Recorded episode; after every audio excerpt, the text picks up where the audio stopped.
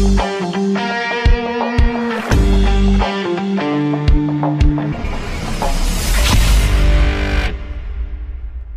selamat datang di podcast 18 tahun. Ini adalah episode pertanggungjawaban ya untuk teman-teman yang sudah meronta-ronta dari kemarin meminta kenapa kok dua bulan tidak ada upload.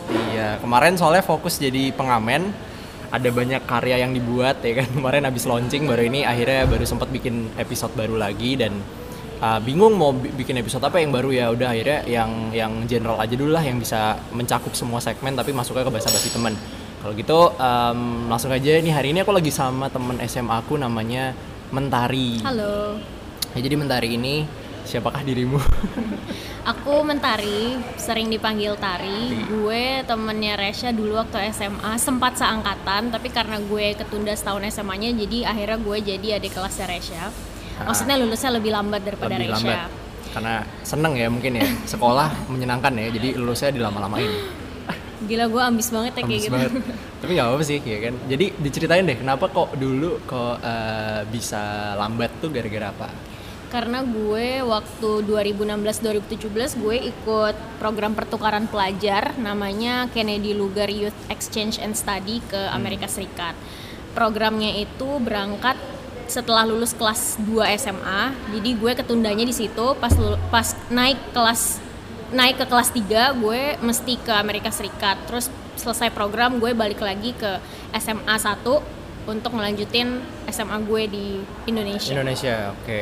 Jadi tapi eh, itu pengalamannya pasti banyak banget ya. Maksudnya 10 bulan di Amerika tuh kayak Di- so much things yang berbeda gitu ya dari Iya, dari iya. sini ya. Ya mungkin ya kayak gitulah. Oh iya, ini eh, ada apa ya sebelum Mentari itu berangkat tuh dulu kita juga sempat satu ekskul zaman dulu Hmm, tuh broadcasting. ah, ah, awal-awal aku juga eh, bisa kenalan sama radio yang ujung-ujungnya sampai sekarang akhirnya ngerjain kayak gini-ginian nih podcast dan lain-lain awalnya itu juga dulu barengan sama dia ini gitu barengan sama Mentari ini tapi abis itu Mentari juga eh, ke luar negeri itu terus juga ekskul itu nggak lanjut. Nggak ada lagi tidak malah. lanjut. Iya makanya tidak lanjut. Oh, iya. karena waktu itu aku ada ekskul itu ditutup aku ada. Oh iya waktu sedih itu ada. itu aku ketua terakhir soalnya. Sedih nggak apa-apa tapi it's it's okay.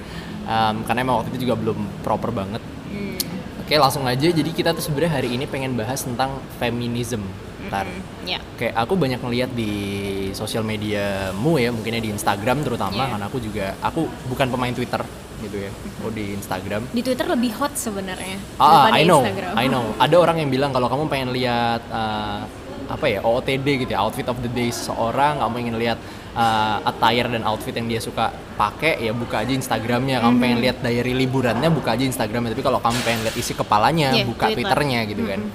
But aku nggak begitu seneng main Twitter soalnya aku bingung mau ngomong apa di Twitter. Aku Yeah. bukan tipikal orang yang bisa ngebacot di Twitter gitu Hmm, dari Instagram aku banyak ngeliat postingan-postinganmu itu yang sangat-sangat um, apa ya sangat-sangat menunjukkan kalau kamu someone yang sangat memperjuangkan hak-hak wanita ya Hmm. hak-hak wanita untuk beberapa hal atau mungkin semuanya ya mungkin ya kalau cakupannya feminisme Ah. itu sebenarnya cakupannya uni- Universal. universality of idea gitu Idea. kayak jadi oh, ketika seseorang menjadi seorang feminis atau dia ngeklaim dirinya sebagai seorang feminis tuh dia punya kecenderungan untuk jadinya memperjuangkan semua hak.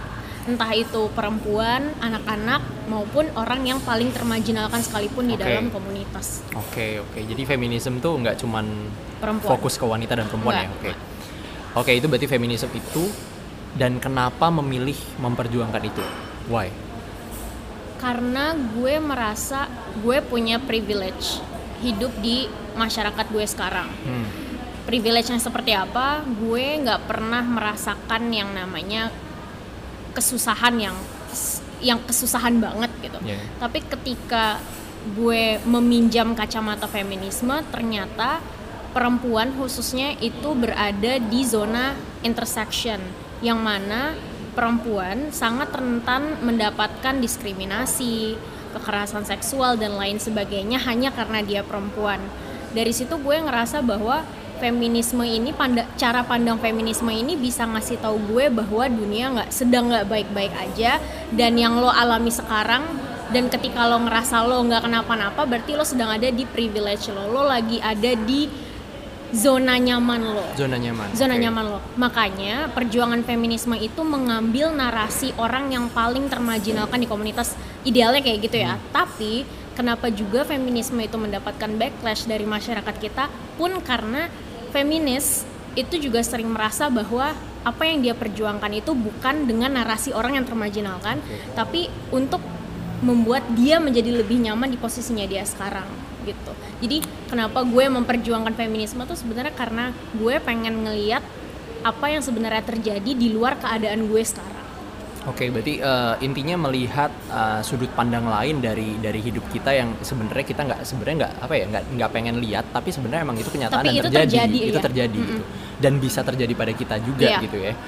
Oke, menariknya adalah banyak orang yang masih eh, apa ya gimana? Mungkin miskonsepsi ya, Hmm, miskonsepsi iya. akan feminisme yang seakan-akan kalau misalnya aku selalu dengar di luar ya, selalu Hmm. dengar di sekitarku, orang-orang tuh menganggap feminisme itu adalah eh, perempuan ingin ada di atas laki-laki karena selama ini kelihatannya memang laki-laki selalu ada di atas perempuan, entah itu dalam di lingkungan apa ya masyarakat sosial dan lain-lain pembagian hak pemerataan hak dan Iya. lain-lain itu sepertinya seperti itu gitu ya. Heeh.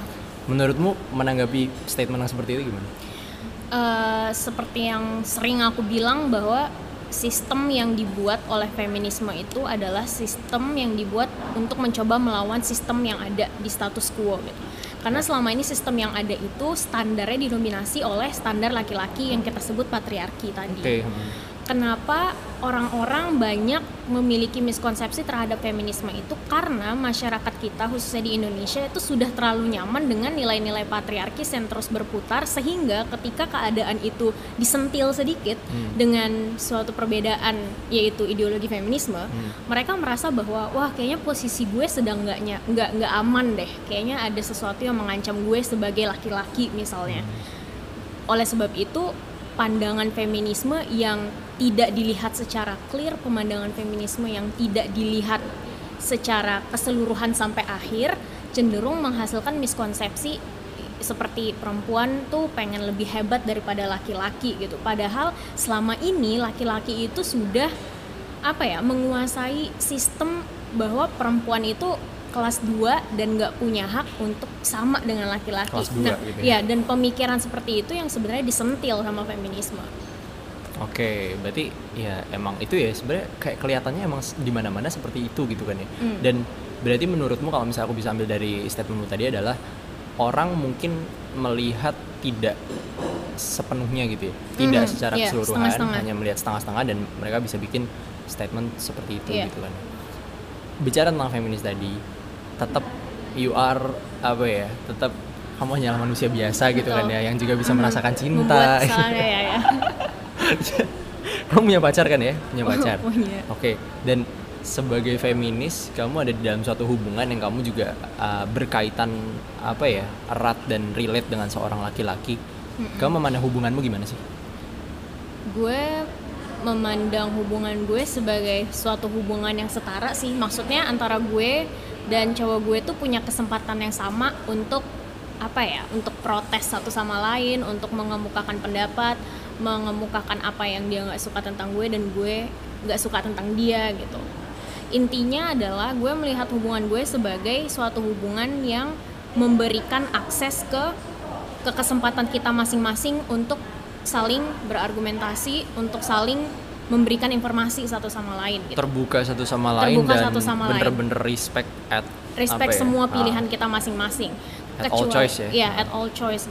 Ketika kita berada di satu titik kita ngerasa kayak capek terhadap satu sama lain atau apa ya misunderstanding atau miskomunikasi sebenarnya apa yang ditawarkan oleh feminisme menurut gue pribadi itu adalah kemampuan kita untuk mendengar dan kemampuan kita untuk menganalisa sih menganalisa oke menurut gue secara personal jadi kayak ya udah ayo kita duduk bareng kita omongin apa yang salah dan apa yang perlu diperbaiki gitu dan gue selalu ingat sebenarnya ini agak klise Ah. dan terlepas dari feminisme gue selalu ingat bahwa di dalam hubungan itu ketika lo ada masalah bukan bukan lo versus pasangan lo tapi lo dan pasangan lo versus masalah Oke, oke itu That's itu deep. menarik. Oke, itu gue baru dengar itu hari ini. Hmm. But, ya, itu menarik. Oke, konsep itu. Dan selama lo ngejalanin ini dengan dengan hal itu, um, apa ya? Menurut gue hidup itu tidak terlepas dari namanya masalah ya. of course Apa pun apa pun yang lo ambil dalam dalam hidup lo itu Ada pasti semua konsekuensi. ah, pasti semuanya ada konsekuensinya dan Mhm. masalah apa sih yang lo temuin dengan dengan ini dengan hubungan lo yang lo sebagai feminis atau lo menerapkan konsep yang tadi lo bilang itu dengan hubungan sama pacar lo gitu gue dalam hubungan gue sendiri juga masih mencari self worth gue. Maksud gue kayak di dalam hubungan gue ini gue udah cukup proper nggak ya buat dia. Kadang gue juga masuk ke dalam apa ya insecurity gue sendiri. Kayak gue pantas gak sih sebenarnya dalam hubungan seperti ini dengan partner yang sekeren dia gitu misalnya. Hmm, oke. Dan ya gue menjadikan gue apa ya gue melihat diri gue sebagai orang yang memperjuangkan feminisme di di tengah hubungan yang seperti itu gue jadi itu aja sih kayak medium aktualisasi diri aja sih. Hmm, kayak oke. gue mencoba seenggak munafik mungkin Iya. di dalam hubungan. Kalau misalnya gue ngerasa gue sedih atau gue pengen marah ya gue nangis dan marah gitu. Lebih ke bagaimana menyalurkan emosi tadi itu iya ya? iya. Tapi secara secara gimana ya? Secara tidak menyakiti orang lain Ya, gitu. Secara sopan mungkin ya. Secara sopan. Secara sopan. kayak secara sopan. Iya mungkin lebih ke apa ya? Maksudnya orang-orang tuh kan selama ini kan kayak mikirnya tuh ya yang tadi kita bilang Feminis kembali ke yang pertama. laki-laki. ah itu. Jadi gue gue tuh pengen pengen bertanya itu sebenarnya ke arah kayak ini cowok lu kuat-kuat aja apa ya pacaran? gitu ya. Kayak misalnya dalam satu hubungan malah lu yang lebih dominan mungkin. Ah. atau mungkin dalam satu hubungan malah dia yang lebih banyak diatur dalam hubungan Iya, itu. iya, iya. Atau gimana kan gue gak ngerti dan, dan di sini Ah. gue mendapatkan jawaban lo oke kalian sama-sama yang understanding each other dan Iya. kalian menghargai pendapat satu sama lain well itu sebenarnya mungkin orang-orang nggak nggak mikir sampai sana Hmm. kali ya mungkin selama ini kan karena mindsetnya feminis itu ya dominan gitu ceweknya dominan gitu kan sebenarnya when it comes to relationship negosiasi sih Hmm. negosiasi ketika lo bukan komit ya maksudnya ketika lo memilih untuk bersama dengan orang ini Iya. dan lo ngerti cara pemikiran dia gimana dan lo juga paham cara pemikiran lo gimana di situ lo mulai, negosiasi nih untuk menemukan battleground yang sama gitu. Oke. karena ketika lo bersikuku dengan dengan pemikiran lo sedangkan pasangan lo punya pemikiran lain ya lo nggak bakal ketemu. Nah dengan negosiasi itu and sometimes kompensasi ya ketemu deh di di ground yang sama menurut ada titik gitu. temunya gitu ya? Ada titik temunya. Oke, feminisme, feminisme itu uh, gini, itu hal yang mungkin untuk beberapa orang mungkin masih mendengarnya sensitif ya. Hmm. Di kehidupan lu sehari-hari ada nggak sih pernah ada orang yang di saat orang itu tahu you are a feminist, Feminist. dan dia langsung tiba-tiba jadi kayak, Hah? oh lu gini gini gini, oh lu Iya. mendukung gini gini, oh lu orang yang feminis, oh lu mendukung gini gini gini segala. Hmm. Ada nggak tiba-tiba orang yang jadi berubah pandangan lo dan malah jatuhnya negatif mungkin? Hmm. Pernah lu temuin nggak kayak gitu? waktu hari pertama gue masuk kampus jadi maba Ah. gue ketemu sama teman mahasiswa lain Iya. gue berjilbab Oke. terus pas ditanya sama dosen kayak sesi iseng gitu siapa idolamu Eh, gue bilang Kania Citairlani lo bisa ngecek eh, dia tuh kayak political vlogger di YouTube Oke. gue suka pembahasan dia gue suka narasi dia segala macem pas gue bilang Kania Citairlani s- eh, temen gue langsung nyaut wah gue nggak nyangka ternyata lo berjilbab tapi suka sama Kania Citairlani soalnya Kania Citairlani is a libertarian Hmm? dan yang nggak tahu ya mungkin menurut teman gue gue sebagai orang yang berhijab seharusnya nggak menjadi libertarian Bersinggungan banget bersinggungan gitu ya? banget menurut Oke. dia gitu dan dan ya gue cukup bangga sih malah karena dengan gue berhijab terus gue punya pemikiran yang seperti itu orang jadi punya apa ya perspektif lain setiap kali mereka melihat orang yang berjilbab. Oke. nggak selamanya orang yang berjilbab itu seperti itu, Seperti itu. tapi juga bisa seperti ini gitu. Iya, oke oke oke oke. Lebih ke apa ya kalau anak-anak sekarang bilangnya edgy kali ya, melawan arus ya.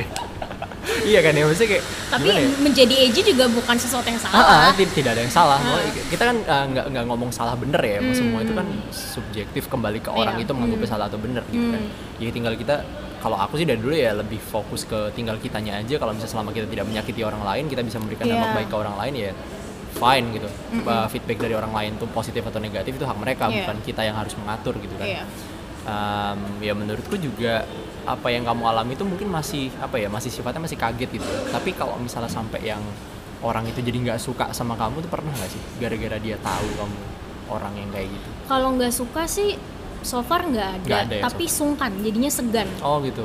Jadi mereka kayak mau ngomong ke gue tuh jadi kayak pertimbangannya lebih banyak gitu Oh. dan lebih lama. Iya, iya. karena mereka khawatir mereka bakal disemprot Menyinggung. sama Oh, argumentasi gue apa gimana gitu. Padahal kan mereka nyoba aja belum gitu. Iya iya oke oke oke. Mungkin lebih ke memilih memilah dan memilih topik obrolan ya. Jadi Iya, tidak iya. leluasa di saat Eh, harus fleksibel ngobrol sama lo jadinya, gitu ya. heeh. Oke oke. Ya mungkin apa ya menariknya adalah hal-hal seperti ini memang kejadiannya itu kadang kita nggak sadarin tapi Hmm. setelah kita lihat-lihat oh iya ya kok orang jadi beda ya sama kita gitu Iya. kan.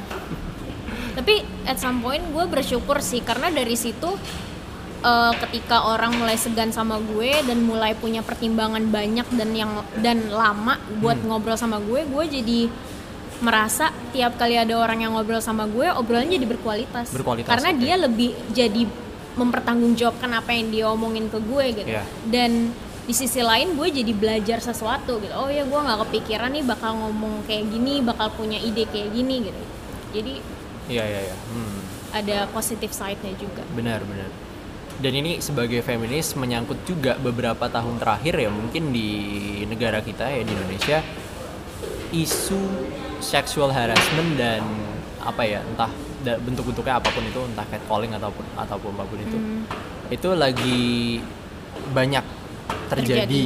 dan lagi banyak diomongin di Hmm. sosial media entah itu di Twitter entah itu di Instagram oh ya di, di garis bawahi aku nggak main Twitter tapi kalau buka laptop aku masih ngecek Twitterku karena di laptop login Iya, iya. kalau di handphone aku nggak install aplikasi Hmm. Twitter jadi terkadang aku masih baca-baca kayak gitu segala macam masih banyak yang ku baca mengenai isu-isu sexual harassment ini Iya. dan you as a feminist uh, melihat ini seperti apa Sexual harassment is terrible, I might say. Hmm. Karena apa ya? Masyarakat kita dengan budaya patriarkis tadi itu tuh terlalu menormalisasi dan merompa, meromantisasi sexual harassment yang terjadi gitu. Yang ujungnya adalah victim blaming. Kenapa? Karena sistem kita itu eh, apa ya mengobjektifikasi perempuan ketika terjadi kekerasan seksual misalnya catcalling.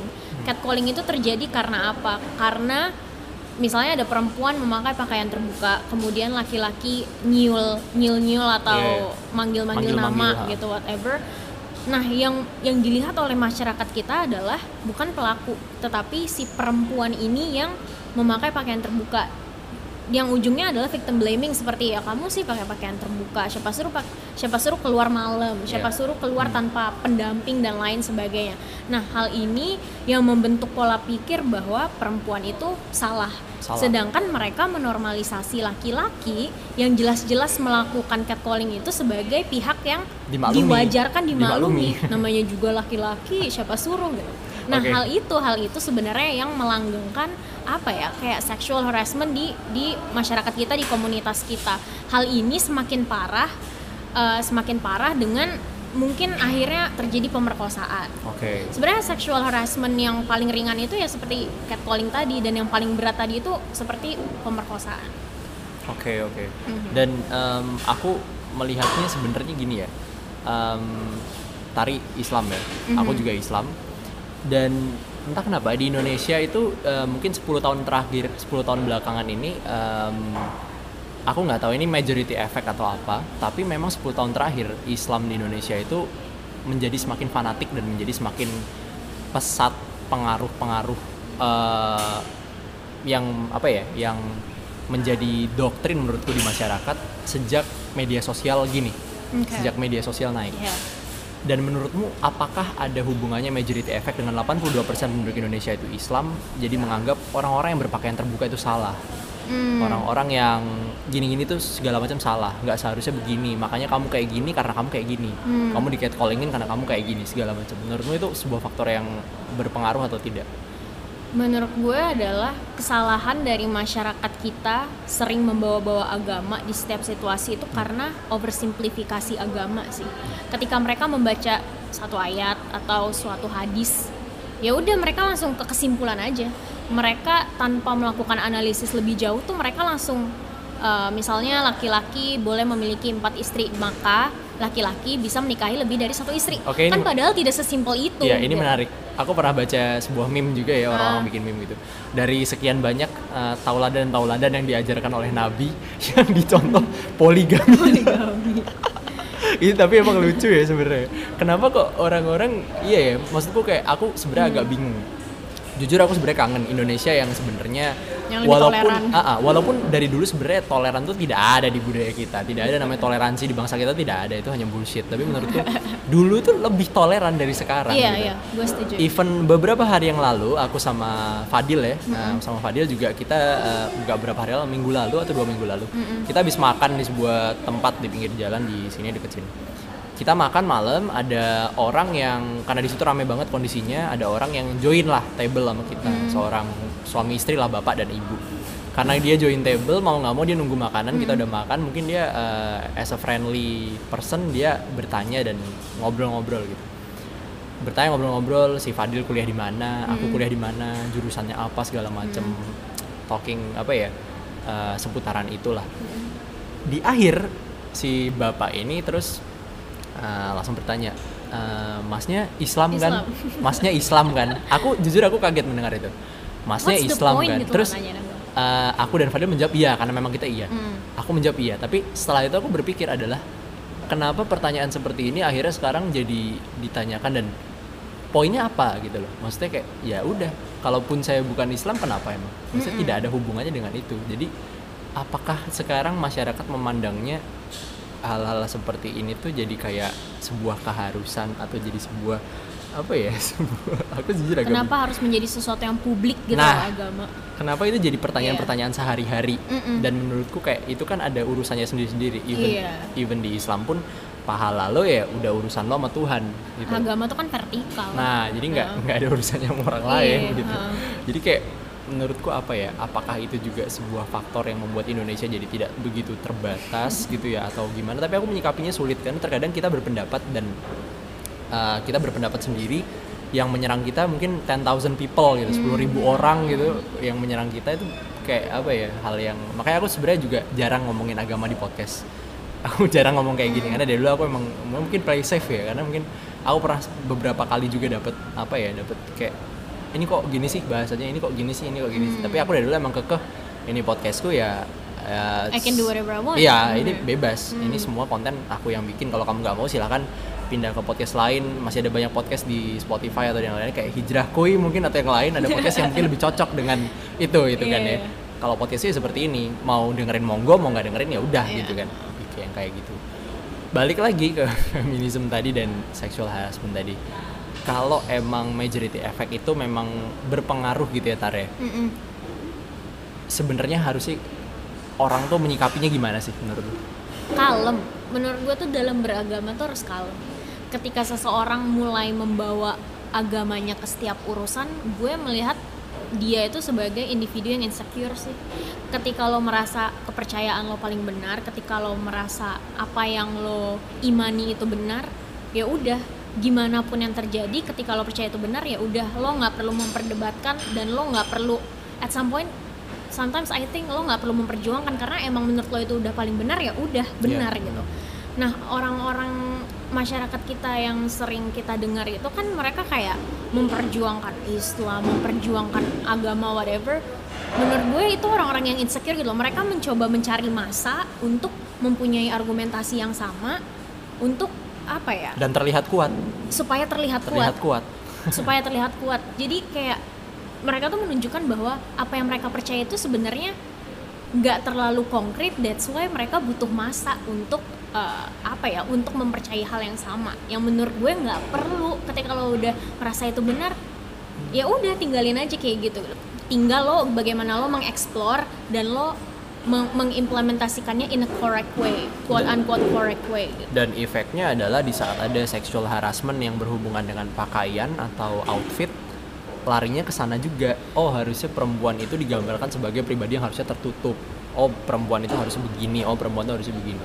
Menurut gue ketika kita melihat kejadian sexual harassment gue pernah dengar jadi di otak kita itu ada yang namanya sistem 1, sistem 2 Ah. Sistem 1 itu ketika lo cepat-cepat buat membuat kesimpulan karena lo takut, karena lo panik Tapi di sistem 2 itu adalah ketika lo melihat permasalahan Lo mencoba pelan-pelan untuk menganalisis Tapi dalam keadaan tenang memang sih Jadi kayak lo take time untuk mikirin dan menganalisis apa sebenarnya yang terjadi dan dampaknya dan lain-lain Nah, Oke. yang gue lihat dari orang-orang pemuka agama tersebut yang cenderung menyalahkan perempuan karena pakaiannya, menurut gue itu mereka di otaknya yang bekerja adalah sistem satu.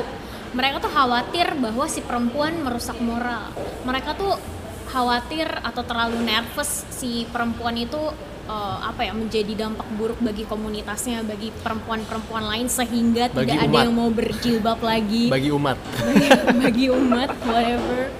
Jadi gue ngeliatnya di situ sih kayak ka- Oke. masyarakat kita tuh kadang tuh harus harus tenang dulu terus mikir ini tuh kenapa ya? Bagaimana bisa terjadi? Dan bagaimana cara jadi kayak sit down terus tuh pikirin terus lo analisis baru lo keluar kesimpulan Iya. gitu. Jangan langsung ketika lo ngelihat orang pakai singlet pakai tank top lo langsung berpikir wah kafir lo membuat nafsu laki-laki. Apalah whatever. Iya. it's so stupid ekspektasi kita yang mau menginginkan sit down be humble ya seperti Iya. Drake gitu kan dia. Tapi memang di Indonesia dari zaman dulu memang apa ya orang-orang tuh emang seneng ngegas ya. Tidak senang ada kedamaian ketenangan gitu. Senengnya tuh konflik ya kan? Senengnya tuh nyari ribut ya kan biar Karena- ada kegiatan gitu biar Karena ada masyarakat kita gitu. tuh lebih senang mengambil keputusan yang membuat mereka nyaman. Ah, oke. Ketika mereka ketika mereka nggak perlu berpikir panjang, kenapa mereka harus berpikir panjang Ah, gitu loh? oke bener banget It's like a bad principle menurut gue. ya dan itu mengakar dan membudaya ya Hmm. terus terusan oh dan menurutku juga ini sih uh, ada satu faktor yang mungkin aku juga ini ini my personal opinion ya tapi Hmm. memang Indonesia itu karena mungkin sedang di dal- dalam masa transisi ya Transisi dari mana ke mana? transisi dari entah itu menyebutnya 3.0 ke 4.0 atau atau apa pun itu ya but gini loh ada sangat banyak digital immigrants saat ini di medsos dan di di dunia maya ataupun di internet gitu ya dan dan orang-orang ini tuh secara tidak langsung juga mereka menjadi agen-agen penyebar-penyebar hoax, agen-agen penyebar-penyebar Hmm. Akun informasi yang gitu-gitu, akun bodong mending. Hmm.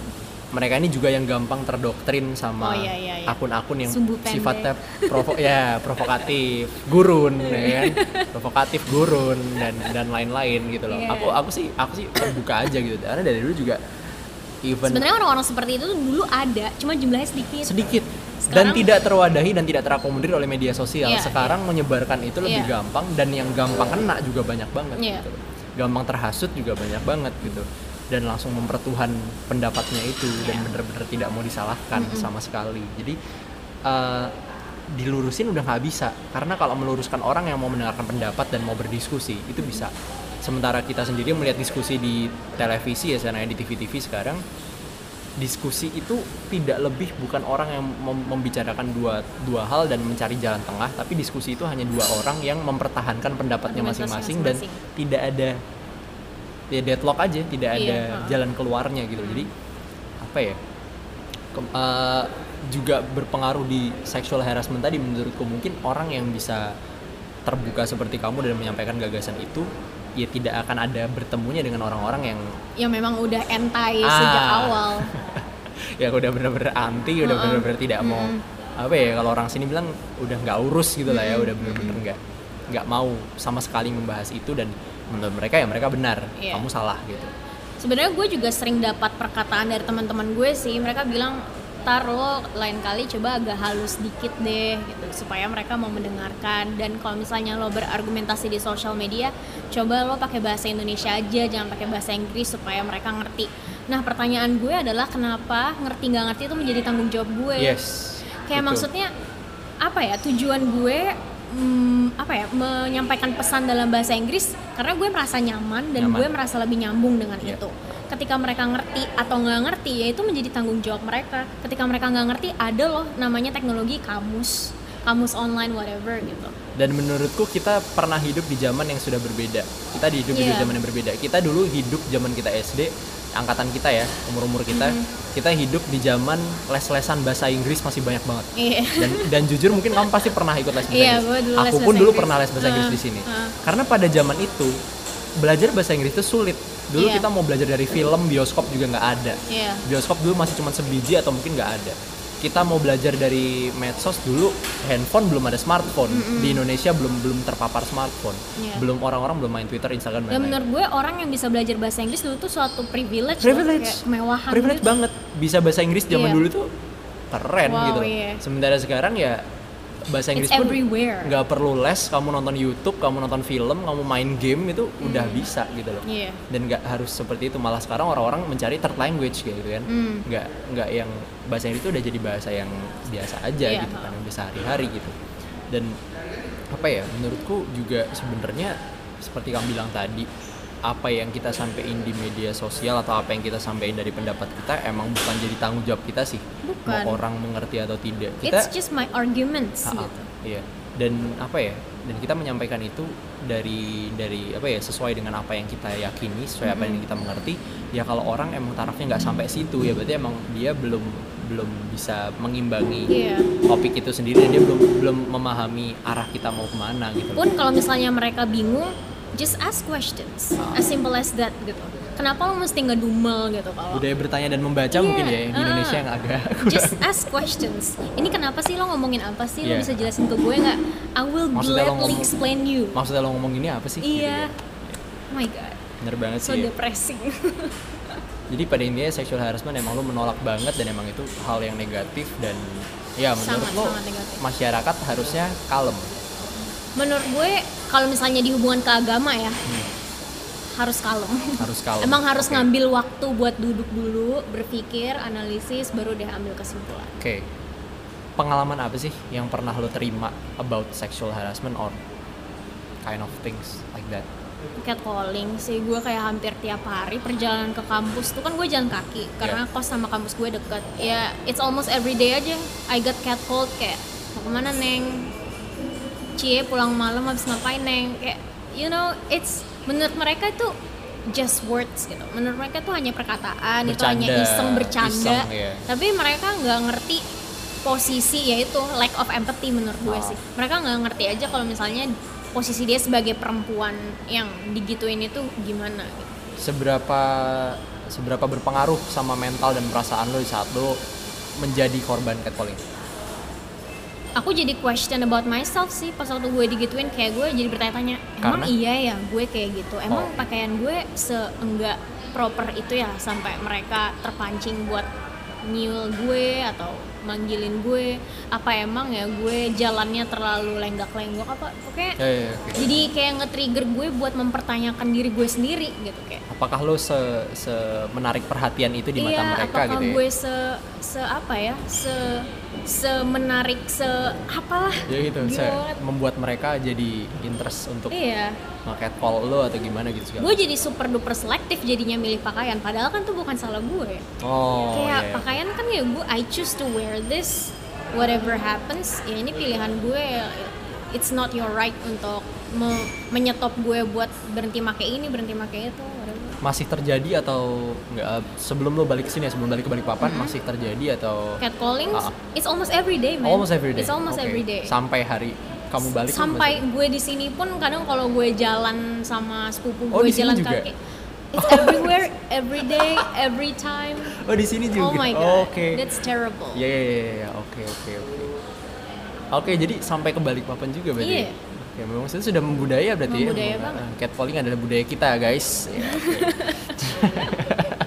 ya mungkin apa ya? Oke, aku sebenarnya kaget sih. Eh, soalnya eh, mungkin menurutku tadi itu kamu kamu dapatkan di Jakarta saat kamu kuliah dan emang di sana em, kamu jalan kaki ya harus jalan Sendiri kaki juga. sendiri dari kos ke kampus gitu kan ya. Sementara di Balikpapan mungkin kamu mostly sama keluargamu Sama atau sama keluarga. ke mana-mana, tapi tetap tetap terjadi. terjadi. Oke. Berarti yang salah sebenarnya siapa ini? yang salah adalah sistemnya Sistemnya. ya? pemikiran yang patriarkis itu tadi yang Oh, salah Oke oke.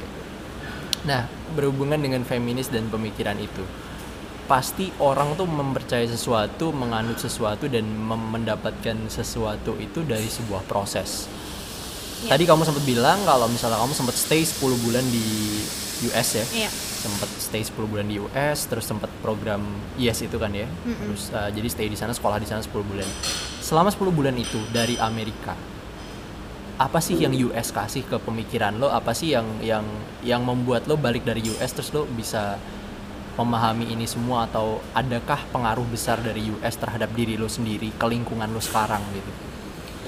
kalau gue ngelihat Amerika Serikat itu orang-orangnya peduli dengan komunitas mereka selalu membuat inovasi, ide-ide atau kegiatan yang selalu nge-involve community-nya. Contoh misalnya tentang apa ya, social event. Social event. social event. Mereka selalu mengempower komunitasnya supaya bisa berkontribusi di eventnya itu. Jadi instead of ngambil orang luar, mereka segimana mungkin memberdayakan masyarakat terdekat mereka gitu. Kalau kita kan gimana? Misalnya kita punya acara, justru yang kita rekrut adalah sebisa mungkin orang luar kota yang lebih berpengalaman atau orang bule malah yang dianggap lebih berpengalaman dan sebagainya.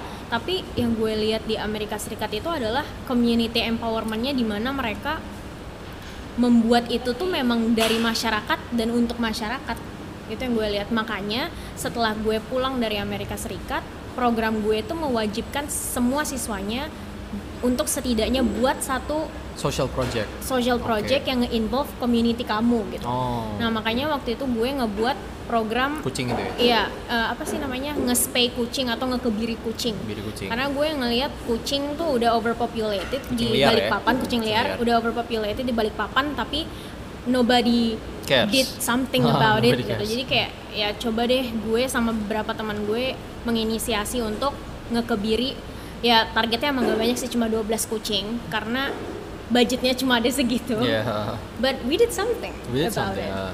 bener ada hal yang kamu lakukan at least untuk lingkungan dan Mhm. dan ya Buat komunitas. 12 itu juga bisa mencegah kucing-kucing lain yang bisa lahir Iya, karena lu bayangin deh satu 12 kucing itu. satu kucing tuh paling banyak melahirkan 6 anak. Enam anak, Multiply iya. 12 berapa? 4 sampai 6 biasanya Iya, bener banyak bener, banget. Eh, selain social project itu eh, yang lu dapatkan di Indonesia setelah lu balik apakah ada pertentangan-pertentangan dalam diri lo di saat orang lain eh, oh iya gue balik ke lingkungan yang kayak gini lagi. Padahal di US kemarin gue udah seneng orang-orang nge-treat gue kayak gini. Hmm. Iya, iya. Eh, oh gue balik lagi di lingkungan yang orang-orangnya mindsetnya kayak gini. Oh gue balik lagi di lingkungan orang-orang yang pendapatnya kayak gini. Gimana lo menyikapi itu atau ada kendala yang lo alami setelah lo balik? Ada nggak? Sebenarnya ketika gue memutuskan untuk apply ke programnya pun gue udah berpikiran it will be culturally challenging sih. Karena pasti gue bakal banyak mempertanyakan budaya gue sendiri kenapa masyarakat kita habis makan di restoran gak ngebersihin piringnya sendiri Oke. ya gitulah pokoknya yang gue dapat eh, yang gue dapat dari dari Amerika Serikat itu adalah disiplin dan tanggung jawab mereka kayak karena karena community based perspektif tadi jadi mereka itu merasa bahwa oke gue nggak boleh nyusahin orang lain nih gue nggak boleh nyusahin komunitas gue jadi segimana mungkin gue harus bertanggung jawab dan at least disiplin sama apa yang sama keputusan yang gue ambil kayak misalnya lo makan di fast food restaurant orang sana kan nggak ada yang nggak ada desk jobnya buat membersihkan itu gitu jadi Hmm. you have to mind your own business gitu. ketika lo selesai makan ya ya lo harus bertanggung jawab Tanggung apa yang jawab tadi ya? eh, apa yang selanjutnya lo lakuin gitu Dan mungkin di sana orang udah terbiasa untuk tidak merasa lebih dari orang lain ya. at some point ya Dalam seben- hal pekerjaan deh. sebenarnya kalau misalnya kita ngomongin orang yang angkuh orang yang gak disiplin atau orang yang gak bertanggung jawab tuh di seluruh dunia ada, Ada. orang kayak gitu tapi yang gue lihat di Amerika Serikat itu adalah gimana ya itu kembali lagi sih ke community based perspektif itu bagaimana mereka melihat komunitas itu sebagai bagian dari mereka dan gimana supaya mereka nggak merugikan satu sama lain karena apa yang lo lakuin itu pasti bakal balik ke lo Tidak prinsipnya mereka begitu tidak Mm-mm. mempersulit satu sama tidak lain. mempersulit satu sama lain karena apa yang lo tuai itu yang lo lo dapet gitu istilahnya Hmm, iya, oke oke oke oke. Jadi emang sebenarnya banyak banget hal yang ya hal yang apa ya jadinya bertabrakan sama apa yang lo lihat di sana dengan apa yang lo lihat di sini. Hmm. Kembali ke Indonesia. Menurut lo siap nggak sih orang-orang sini tuh kalau misalnya udah harus seperti itu? belum belum siap karena gue ngelihat masyarakat kita itu belum ada di tataran eh, peradaban yang sama dengan orang Amerika, Amerika Serikat pun ketika kita pengen masyarakat kita berada di titik yang sama satu hal yang mesti dilakuin adalah perbaik perbaiki literasi. Literasi. karena I can stress this enough orang Amerika Serikat tuh hobi baca nggak tau ya at least itu orang-orang yang gue temuin di lingkup kehidupan gue waktu di Amerika Serikat mereka tuh selalu baca baca dan baca Di saat orang eh, Amerika lo bilang orang Amerika, berarti itu eh, it means Komunitas ya, gue. Enggak, maksudnya it, it means oke komunitas lo dan it means eh, emang komunitas lo dengan orang-orang di New York, dengan orang-orang di Philadelphia, dengan orang-orang di Florida dan lain-lain itu memang semuanya udah berpikiran yang sama. I can guarantee kalau mereka berpikiran sama sih maksudnya gue dulu di hosted di negara bagian Illinois Ah. kota Belleville namanya ya perspektif gue tentang Amerika Serikat ya perspektif gue tentang Amerika Serikat yang gue tempatin Hmm. pada saat itu Belleville, Illinois. Nah, Gue nggak berani bilang bahwa orang New York, Philadelphia, Pennsylvania punya Hmm. pemikiran yang sama. dengan orang Belleville karena toh kembali we are different gitu. Tapi dari sampel yang gue dapat sampel dari yang gue dapat di Belleville itu menurut gue ya emang agak generalisasi sih tapi kalau misalnya lo tanya gimana pengalaman lo di Amerika Serikat ya yang gue jawab pengalaman gue di Belleville, Illinois, Amerika Iya. Serikat Oke, hmm. gitu. Eh, gini, yang yang jadi pertanyaan gue adalah di saat lo ngomong Amerika kayak gitu dan lo mau terapin di Indonesia, lo Mhm. sebenarnya mau terapin di Indonesia tuh kayak gue merasa even apa ya pusat peradaban aja jadi sangat terpusat di Jawa. Jawa sentris. Itu bukan infrastruktur ya, secara otak-otak Iya. orangnya, secara etos kerjanya, secara niat Iya. untuk bekerjanya, males enggaknya, itu tuh masih masih sangat Iya. jomplang antara Jawa dengan pulau-pulau yang lain, dengan daerah-daerah yang lain. Yang pernah gue tahu itu ada perkataan think globally, act locally sih. Lo berpikir kalau lo berpikir lo boleh keluar dari wilayah lo, cara pemikiran lo bisa seperti orang New York, Hmm. tapi cara lo mengimplementasikan ide lo harus tetap Jawa Tengah. Ngerti nggak? Kayak Hmm. misalnya lo bisa berinovasi setinggi mungkin mengambil bukan mengambil menyadur ide dari orang New York dari orang mana tapi ketika lo mau mengimplementasikan itu di budaya lo di tempat lo tinggal ya lo memang harus Tetap dengan tata menye- krama. iya, men- Oke. menyesuaikan dengan bagaimana masyarakat lo bergerak Ya, gitu. tergantung budayanya ya. Kalau Jawa Tengah tadi berarti dengan tata krama, Iya, dengan unggah-ungguh iya, gitu, dengan gitu apa ya. yang lo percaya di Jawa Tengah Oke. gitu. Karena juga bakal percuma ketika lo mencoba mengimplementasikan ide New York tadi ke Jawa Tengah dengan mengambil sepenuhnya New York Hmm. tanpa lo memerhatikan bagaimana dinamika budaya Jawa Tengah misalnya. Iya. Karena menurut gue bakal percuma.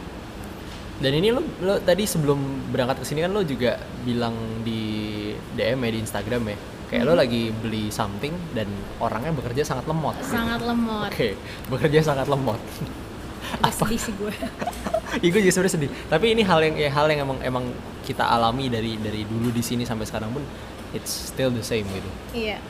Menurut lo dengan budaya seperti ini tuh emang emang kita tuh emang belum siap apa emang ini tuh sudah terlalu mengakar sampai tidak ada obatnya atau memang memang gimana menurut lo emang karena kayak menurut gue kayak kalau gue juga pengalaman berapa kali traveling around the world juga ya kayak gue terbiasa melihat orang-orang even nggak usah melakukan sesuatu even untuk jalan kaki aja mereka melakukan itu dengan Hmm. sangat cepat gitu Iya. ya lo nggak nggak cepet lo di uh, disuruh minggir gitu Mm-mm.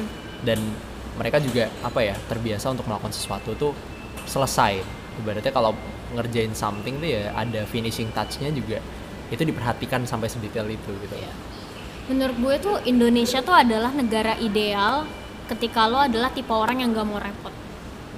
Ini gue ngambil argumentasinya Gita Saf sih di YouTube-nya. Jadi dia pernah ngebahas tentang budaya beberes. Terus dia ada bilang bahwa Indonesia tuh adalah negara ideal ketika lo adalah orang yang gak mau repot. Lo Hmm. bayangin deh, lo di restoran lo nggak ngebersihin meja. Iya. Terus lo jalan di jalan itu kayak seenak jidat lo gitu kayak lo ngelanggar lo- apalah terus lo nggak mau ngantri lo lo bisa bayar lebih calo Iya. kurang enak apa coba dan ketika gue mencoba merefer ke budaya yang gue observe di Amerika Serikat itu ya memang kalau lo mau dapetin apa yang lo mau ya lo harus mau repot Harus mau gitu repot. harus mau repot karena it's not about you it's about people out there juga gitu. It's about everyone. It's about everyone. Hmm. Oke. Dan apakah menurut lo memungkinkan someday Indonesia itu menjadi sebuah bangsa yang mau repot menurut lo? Mungkin, Mungkin. mungkin, but it takes a long time. Iya, gue juga memikirkan mungkin 100 tahun lagi gitu, itu 200 tahun lagi mungkin Gue ya. masih hidup nggak ya? enggak, kalau gue udah fix yakin gue enggak. Kalau gue udah fix yakin gue enggak. Dengan habit gue sekarang Kalau- minum minuman manis dan enggak, gue yakin gue enggak hidup. kalau- Masalah mungkin atau enggak itu sih gue optimis aja sih. Gue optimis it will happen, but I don't know when.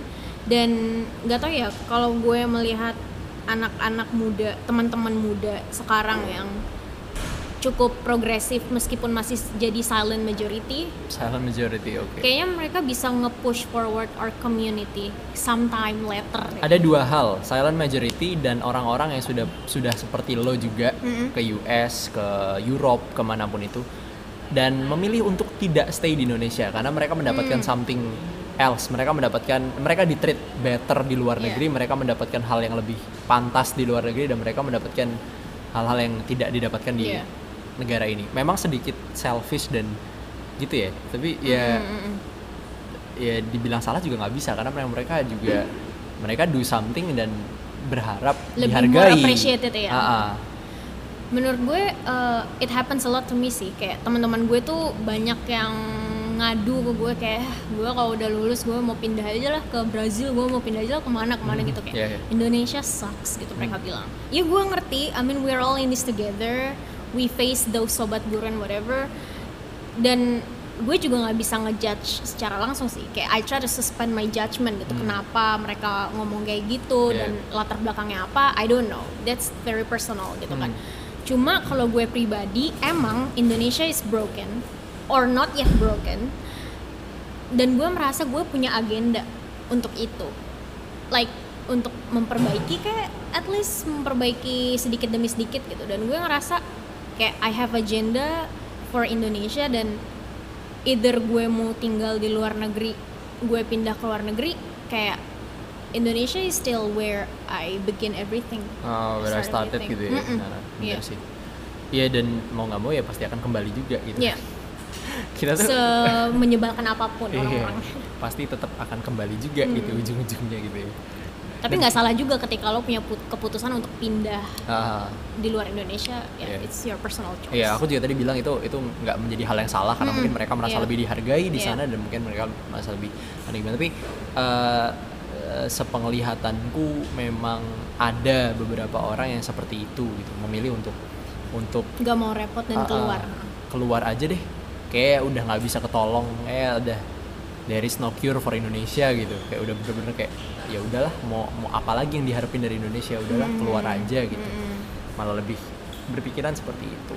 mungkin ada pengalaman-pengalaman yang mereka alami tapi nggak kita alami kali Oh, ya iya, yang mungkin. yang kemudian jadi alasan buat mereka untuk pindah Alasan kuat mungkin ya. Iya, mungkin kita belum cukup bisa untuk menaruh diri kita di sepatu mereka gitu. Ah, jadi iya. mereka masih eh jadi kita belum terlalu paham ya paham kenapa, kenapa mereka dia bilang kayak gitu. Ah, ah, oke jadi sebenarnya lama ya kita terakhir kali ngomong kayak gini mungkin bertahun-tahun yang lalu maksudnya yang ngobrol kayak gini soalnya juga emang udah lama banget. Terus mungkin kalau tadi udah bahas yang serius-serius segala macam kayak gitu aku pengen tanya ke topik yang lebih santai dan lebih simple aja gitu ya. Berkaitan dengan musik karena emang Hmm. juga beberapa minggu belakangan ini aku juga lagi habis kemarin selesai nggarap itu musik-musikan dan lain-lain terus kayak aku sebenarnya pengen tanya dari dulu tuh aku orang yang tipikal yang selalu menganggap gini even untuk mencari pasangan sekalipun ya Mm-mm. selera musik seseorang uh, a person's music taste gitu ya itu tuh sangat sangat berpengaruh sama mindset dan bagaimana cara dia berpikir dan bagaimana cara dia berbicara di depan orang. Lo setuju dengan itu apa enggak? Menurut gue selera musik nggak berpengaruh, nggak berpengaruh? Nggak berpengaruh. Karena gue mencoba ngeliat ke diri gue sendiri sih. Gue tuh kalau denger musik tuh lebih suka musik yang cheesy ketimbang musik-musik yang kayak Joy Division or something Oh, tuh gue nggak gue nggak terlalu gitu loh. Oh. Gue lebih kayak you know Justin Bieber. Gue tuh believers loh. Oke. Do you believe me? oke berarti kita gunakan dua istilah ya kalau lo tadi bilang Joy Division oke berarti itu side stream Eh. Justin Bieber itu mainstream berarti Iya. lo orang yang lebih ke mainstream, Iya. Berarti Justin honest. Bieber, Post Malone, Shawn Mendes, Yeah. Camila Cabello dan and Friends dan Yeah. teman-teman Mm-mm. gitu. Iggy Azalea dan. Berarti lo ada tipikal orang yang seperti itu dan menurut lo itu tidak berpengaruh berarti ya? Tidak berpengaruh. Karena apa ya? Gue melihat musik itu as an entertainment. Hmm. pun ketika orang mencoba mengambil pola pikir dari pilihan uh, musiknya pun juga nggak salah sih menurut gue tapi nggak it's two different things gitu. Ketika lo mau berpikir atau lo mencoba mengambil suatu pemikiran lewat musik ya monggo. Tapi ketika lo merasa bahwa musik is solely for entertainment ya monggo. Karena gue pribadi menjadikan musik tuh sebagai entertainment aja. Ketika gue mau berpikir ya gue berpikirnya ke buku atau ke mana ke jurnal whatever. Banyak hal yang yang lo lakukan gitu. Iya ya? Nggak, dan, dan musik itu juga cuman sebagai pelengkap dan temen ya sebenarnya. Dan refreshing medium. Refreshing medium oke. Musik apa sih yang lo dengerin sering banget beberapa minggu ini? Apakah Justin Bieber tadi masih lo dengerin sering banget atau atau apa?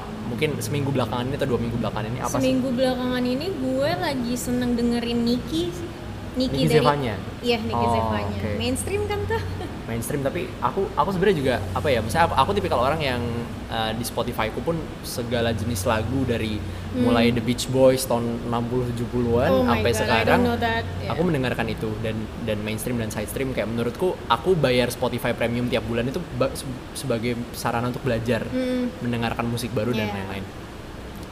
88 Rising, Nicky Zevanya dan Rich Brian, aku banyak mendengarkan juga mereka di minggu-minggu belakangan ini. Hmm. Ya, mungkin kalau teman-temanku di Spotify mungkin tahu ya di Friend Activity kadang aneh-aneh uh, laguku bisa berubah-berubah sangat jauh gitu. Iya. Dan aku juga melihat sebenarnya Nicky Zevanya keren sih untuk seorang anak muda dari Indonesia yang Iya, juga sama-sama sama internasional. Rich Brian juga ke internasional dengan caranya sendiri gitu ya. Maksudnya kayak dari dulu kita ter- terpaku Agnes, Agnes, Agnes dan Agnes gitu kan ya. But akhirnya ada juga yang bisa melakukan itu nggak cuma Agnes dan Anggun gitu ya. Mungkin Anggun yang pertama kali ya. Hmm. Nggak cuma Agnes dan Anggun dan em, apa ya? Aku selalu melihat orang-orang yang eh, taste musiknya mainstream itu dari dulu adalah orang-orang yang cenderung bodoh amat. Baru kali ini aku menemukan orang yang taste-nya mainstream kayak kamu, tapi juga orang yang suka bacot dalam artian suka berpendapat dan berargumen gitu. Sebenarnya kalau untuk musik tuh kalau misalnya gue suka ya gue suka gue Hmm. dengerin gitu besides itu mainstream atau enggak mainstream kayak misalnya taku lo dengerin taku nggak sih Enggak. gue kayak gue dengerin taku karena gue suka beatsnya Ah. terus gue denger gue dengerin Nicki karena gue suka liriknya Oke. terus gue dengerin The Massive karena gue suka ke cheesiness-nya The Cheesiness, Massive oke. gitu kayak ya kalau misalnya gue suka sama musik atau lagu ya gue dengerin sih Selama itu bagus dan menurut lo enak buat Enak, lo iya. dengerin, Heeh, gue lo akan dengerin dengerin. itu. Oke. meskipun itu dangdut pun kalau misalnya Ah. itu menurut gue enak ya gue denger ya gue juga se- eh, gue juga sebenarnya yang kayak gitu tapi gue nggak tahu kenapa gue selalu berpikir kayak gitu karena mungkin pengalaman dari orang-orang yang gue temui kenapa selalu ada perbedaan di saat orang-orang yang taste-nya main, eh, mainstream sama yang side stream itu terkadang terkadang ada dua hal yang bisa membuat mereka berbeda atau let's say termnya gini kalau anak-anak sekarang bilang wah lo biasa aja wah lo anak indie senja Ah, yes, dan kopi, dan puisi gitu ya kayak goblok gitu-gitu dong Hmm. Eh, ada perbedaan di antara dua dua dua muda-mudi ini ya muda-mudi mainstream dengan muda-mudi indie Iya. gitu. tapi memang terkadang gitu aku tidak bisa menggeneralisasi berarti setelah bertemu kamu yang taste-nya ternyata mainstream dan tidak tidak begitu uh, into tidak begitu masuk ke dalam side stream. Tapi kamu juga orang yang sangat uh, general. Dalam artian musik apa pun selama itu enak itu bisa masuk ke kamu dan Iya. kamu dengerin gitu. Iya. Aku juga punya playlist nomor 3 di Spotify itu isinya lagu-lagunya Ariel sama Peter Pan doang. Hmm, gue Karena- seneng tuh Peter Pan. karena mau nggak mau rootsnya kita tuh seneng musik apa pun dari Indonesia. Melayu, ya pop. rootsnya tuh tetap Peter Pan.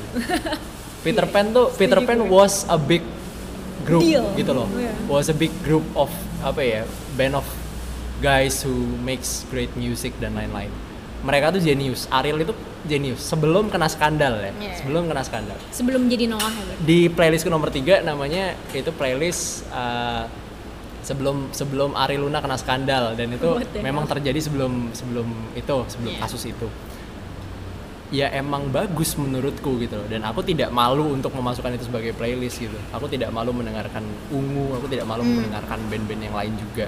Karena di saat emang band itu lagunya bagus ya oke I'm fine. Hmm.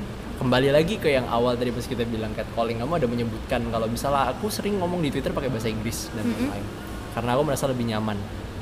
Aku pun seperti itu dalam membuat laguku kemarin membuat musik. Kenapa kok aku bisa uh, bikin lagu tapi kok bahasa Inggris semua? Mm-mm. ya karena mungkin walaupun itu bahasa Inggris yang simple mungkin itu juga nggak susah topiknya basa-basi doang topiknya nggak penting gitu ya. But it speaks Tapi- volume gitu. di nggak kalau aku lebih ke beban moral sih. Hmm. aku lebih ke beban moral di saat aku nulis lirik bahasa bahasa Indonesia. Serius karena aku tuh it. gini aku dulu banyak mendengarkan di upstairs. Kalau kamu tahu ada band-band sastra Indonesia di upstairs Morfem itu vokalisnya sama Jimmy Multazam terus em, aku mendengarkan rumah sakit. Oh gue tahu terus rumah sakit. Itu ti- tiga band ini tuh tiga band yang sangat menggunakan lirik-lirik yang formal baku tapi nggak alay. Tapi nggak puitis-puitis banget. Kayak rumah sakit itu ada liriknya yang eh, tak terlihat dia kasat dan raut wajahnya sangat pucat. Sungguh heran ia bukan Dewi Kayangan dan lain-lain ah, bahasa-bahasa kayak gitu. Judul-judul lagunya mereka manuver gelombang pasang petir kilat dan halilintar itu itu bahasa-bahasa yang kita jarang dengar sehari-hari Iya, gitu iya, iya.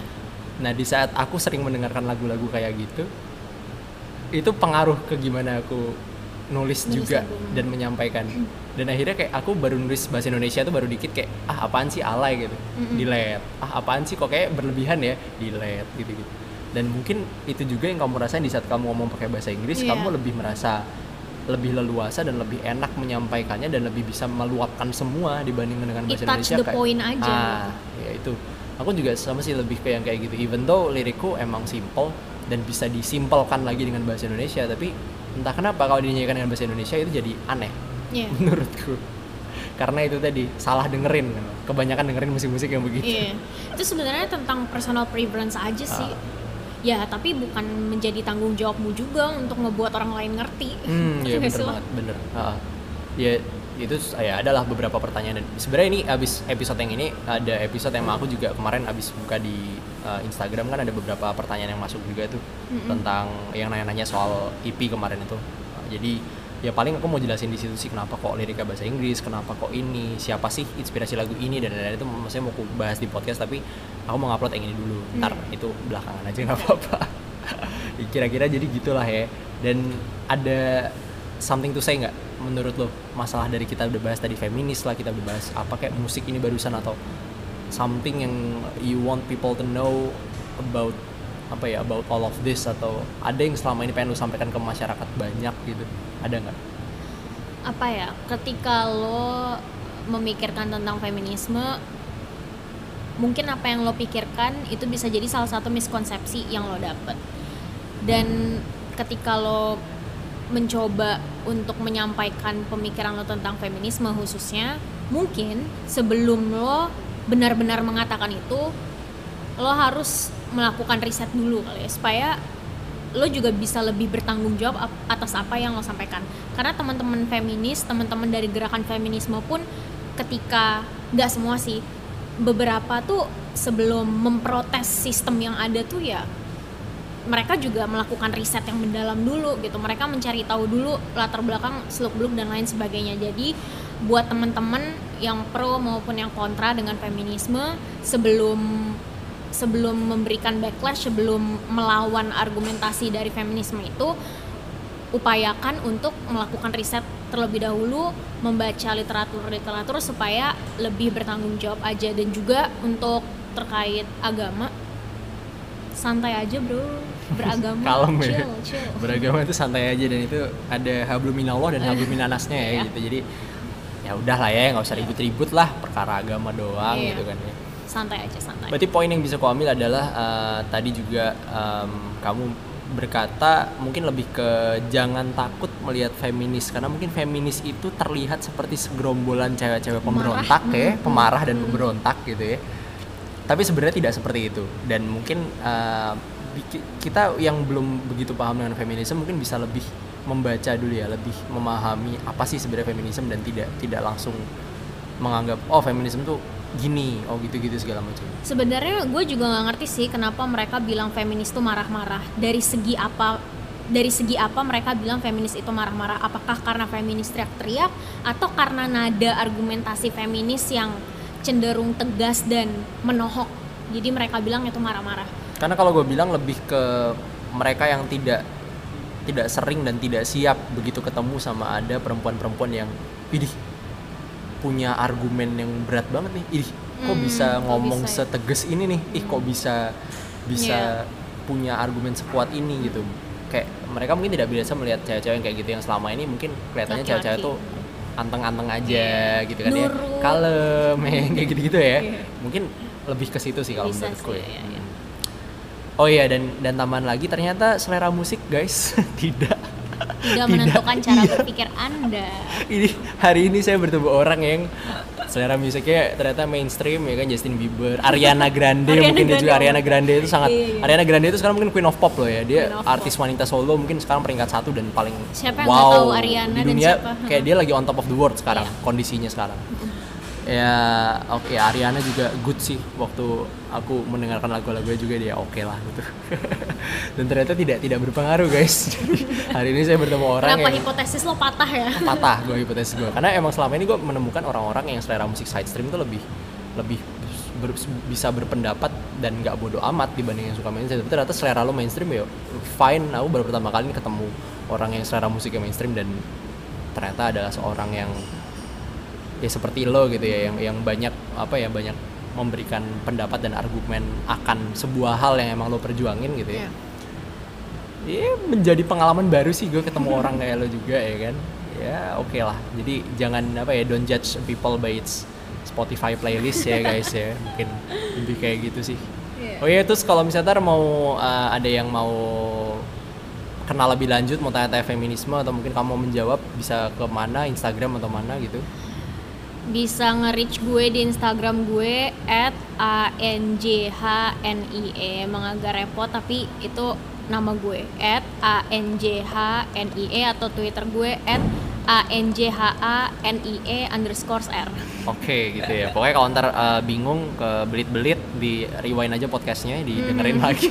Karena di ada fitur namanya rewind ya kan. Kalau misalnya luput tadi bisa didengerin lagi. Gunakanlah teknologi nah. Ah betul. Gunakanlah jari anda untuk merewind podcast ini. Oke. Okay? Jangan cuma hoax dan jangan cuma PUBG doang.